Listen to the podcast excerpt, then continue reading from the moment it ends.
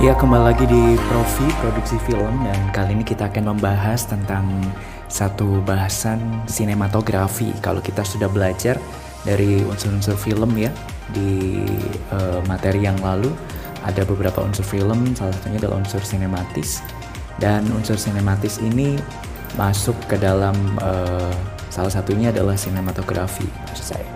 Dan mungkin ini menjadi hal yang menarik ya karena kalau seperti yang lalu kita diskusikan, sinematografi ini adalah uh, sebuah unsur satu unsur di dalam film.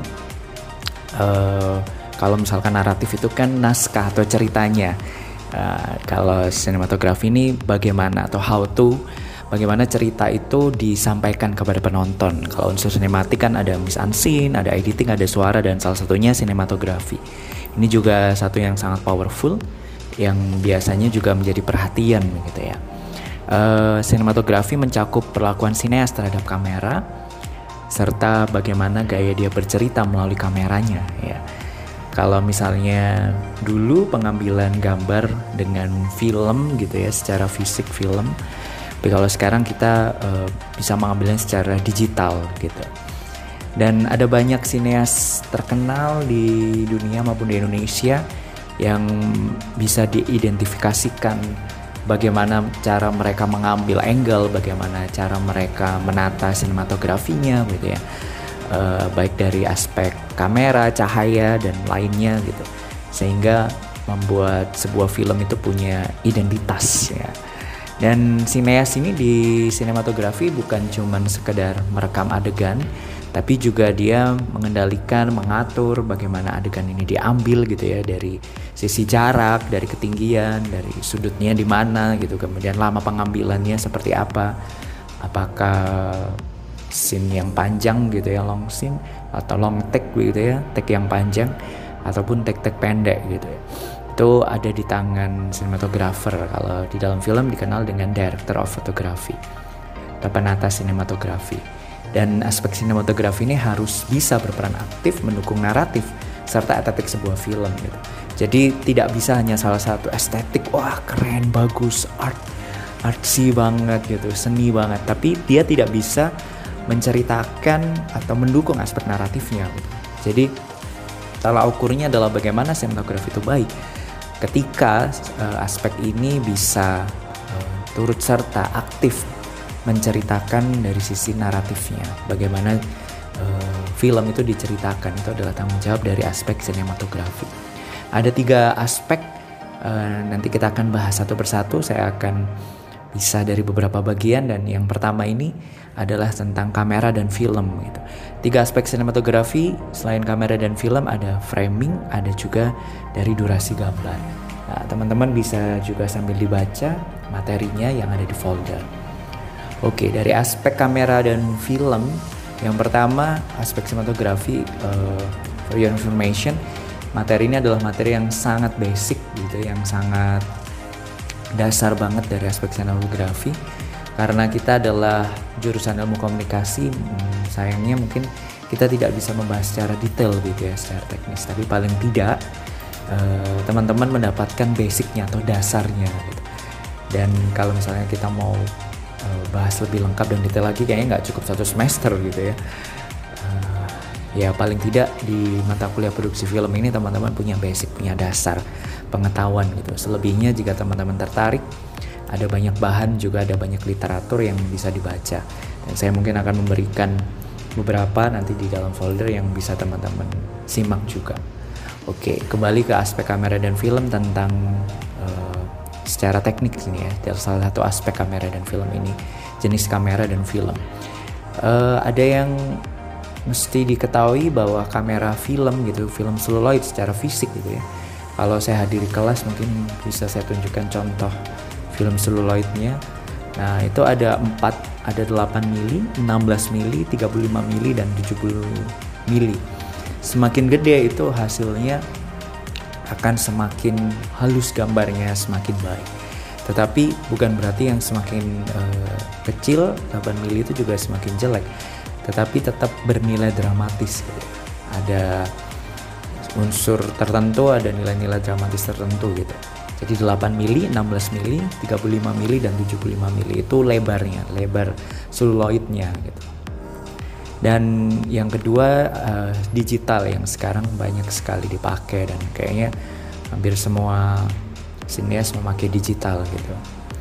Uh, yang kedua selain dari jenis filmnya kita mesti tahu bahwa uh, ada namanya unsur tonalitas yaitu kualitas gambar dan warna melalui pengaturan kontras, brightness dan color. Ini adalah salah satu aspek dalam sinematografi yang mesti kita tahu. Bagaimana kita membuat film kita itu mengaturnya gitu secara brightness, secara cahaya, secara kontras dan juga warnanya itu seperti apa. Itu ada di dalam aspek ini, tonalitas namanya.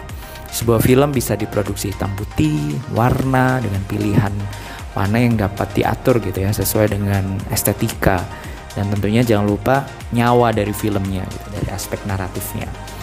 Uh, ada film berjudul The Artist dengan film hitam putih gitu dan film bisu hanya dengan musik dan meraih piala Oscar.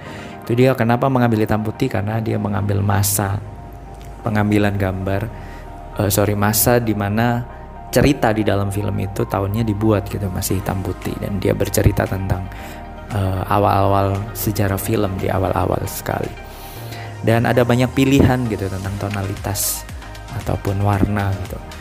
Ada kontras dan brightness. Yang pertama uh, kalau zaman dulu menggunakan stok negatif film ini literatur yang saya pakai uh, masih literatur yang lama gitu belum digital. Dan selain dari sisi itu juga dari tata cahaya serta uh, prosedur kimiawi. Kalau zaman itu kan memakai seluloid ya jadi kimiawi sangat diandalkan. Tapi kalau sekarang semua serba digital kita bisa mengatur dengan mudah di kamera kita gitu ya. Bahkan sehari-hari kita sudah terbiasa mengatur kontras dan brightness di media sosial ya seperti di Instagram gitu ya. Saya rasa teman-teman sudah sangat paham untuk hal ini.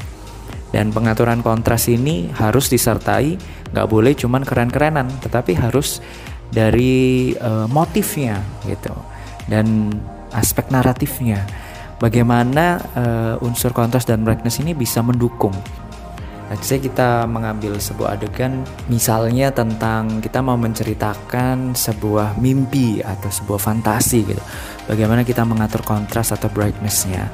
Apakah kita bedakan ketika sang tokoh itu ada di dunia nyata dia lebih uh, kontrasnya lebih tinggi dibandingkan dia ada di alam mimpi kita uh, tambah lagi brightnessnya gitu sisi brightnessnya apakah harus ditambah lagi?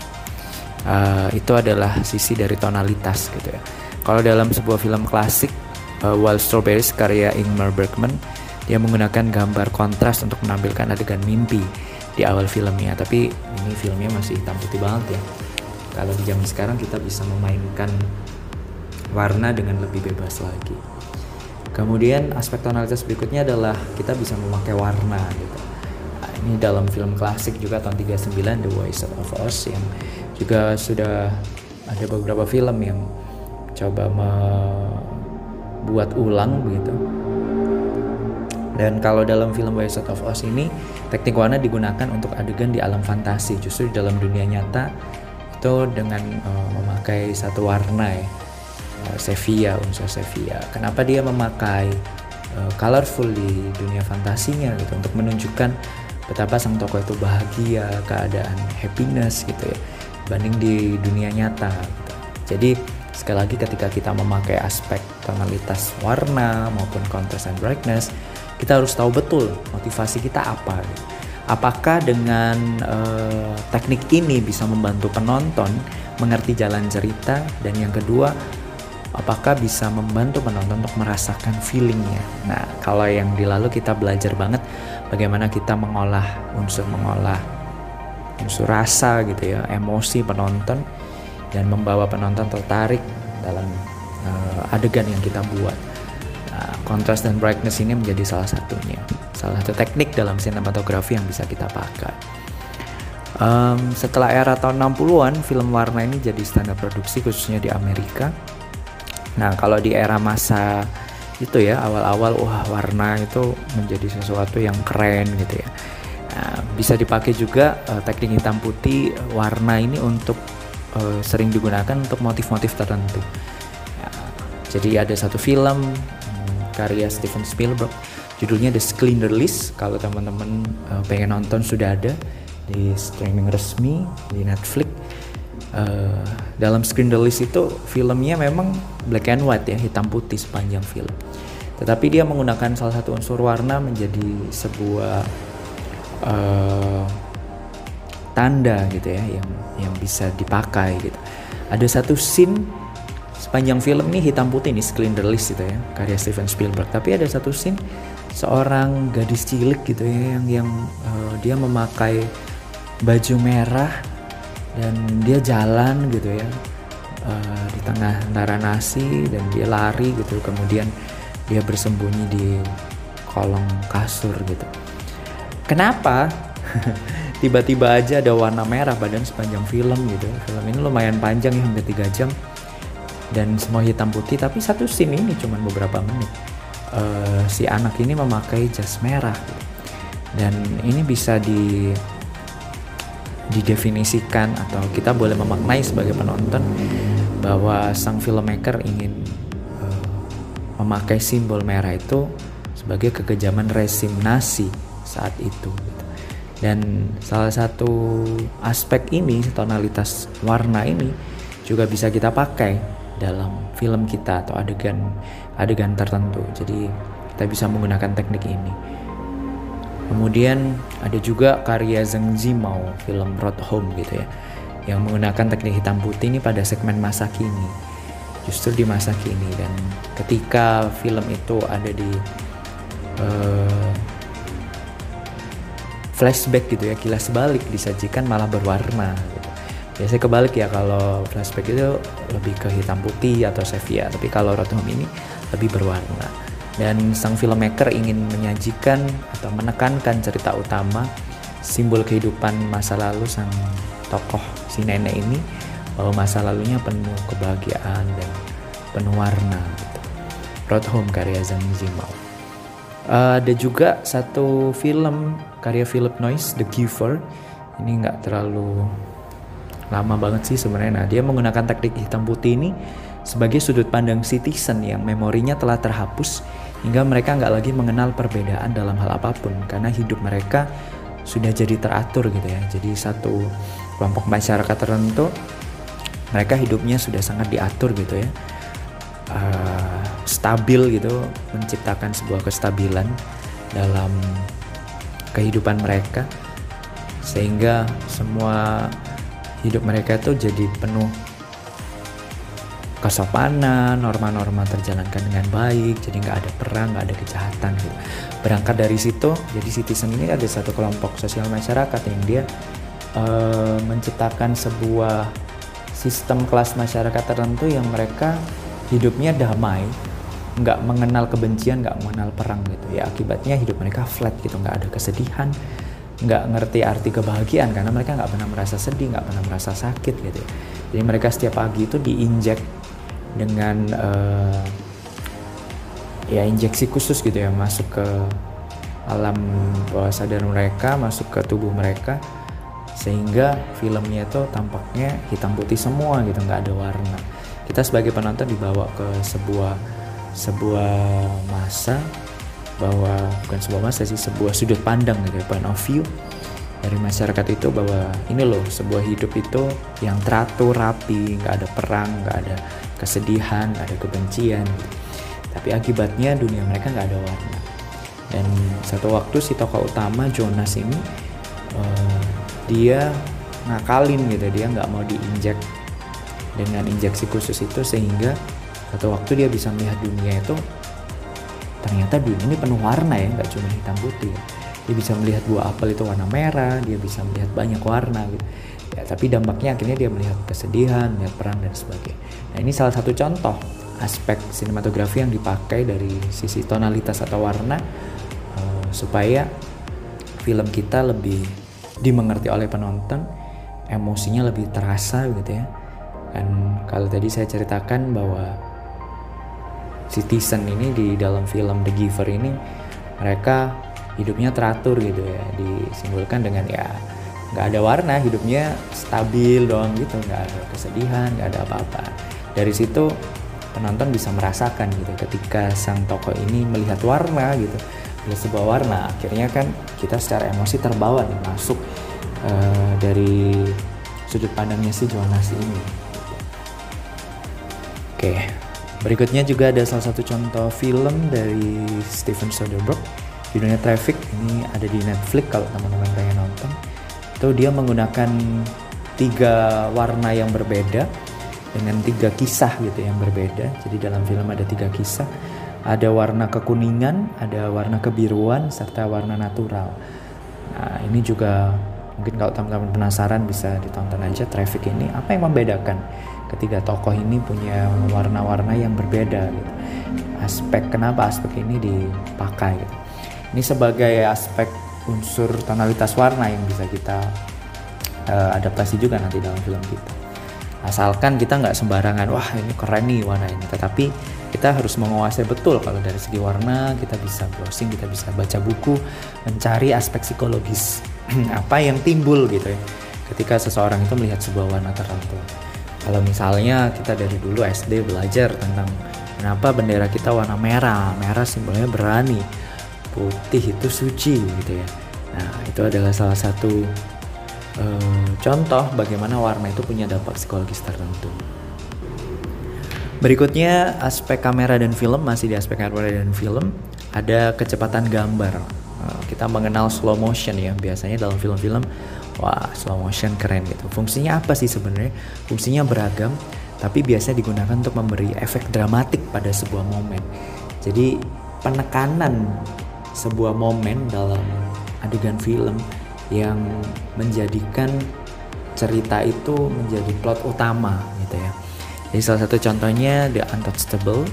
Ini sebuah film uh, bersyukur juga ini bisa ditonton juga di Netflix karena akhir-akhir ini ternyata ada banyak film-film klasik, film-film lama juga yang bisa kita nikmati secara legal uh, resmi gitu ya sehingga kita juga bisa belajar.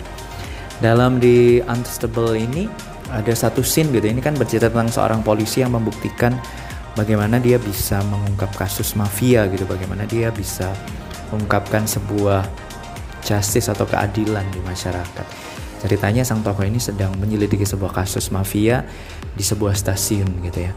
Salah satu scene dia uh, sedang mengejar sang target utama aksi tembak menembak gitu ya sebenarnya hanya berlangsung beberapa detik kan ya kalau dalam kejadian nyata gitu seorang polisi gitu mengejar penjahat tetapi sang filmmaker mencoba uh, menggunakan teknik ini untuk mendramatisasi atau mendramatisir ketegangan yang mau diciptakan gitu.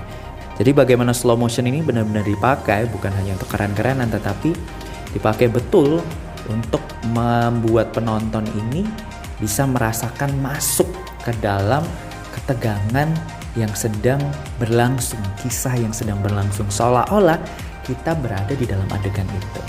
Ini keren banget. Slow motion ini salah satu contoh, nanti bisa teman-teman tonton. Atau juga dalam film Matrix gitu, beberapa film lain, film-film action kungfu begitu ya, sering kita lihat gitu. Ada juga film yang menarik juga karya Guy Ritchie, Lock, Stock and Two Smoking Barrel ini juga menggunakan aspek slow motion untuk memberikan waktu bagi narator memberikan informasi tentang karakternya. Itu juga bisa kita pakai tekniknya. Ada slow motion kebalikannya fast motion ya teman-teman. Mungkin sudah nonton film Click ya karya Adam Sandler yang diperankan oleh Adam Sandler. Click itu menggunakan teknik fast motion. Selain slow motion fast motion ada reverse itu kebalikan. Uh, jarang sih sebenarnya tapi tetap bisa dipakai gitu ya. Yaitu reverse itu membalikan shot gitu ya. Misalnya berjalan mundur gitu. Dengan kecepatan normal. Biasanya bisa dipakai untuk flashback gitu, gitu. atau untuk film-film komedi film mimpi atau fantasi dan sebagainya. Jadi kita bisa melihat bahwa aspek gerak gambar ini bisa sangat powerful mempengaruhi penonton membuat penonton seolah-olah masuk ke dalam cerita. Oke. Nanti kita akan uh, lanjutkan berikutnya di masih di sinematografi di aspek kamera dan film. Profi produksi film.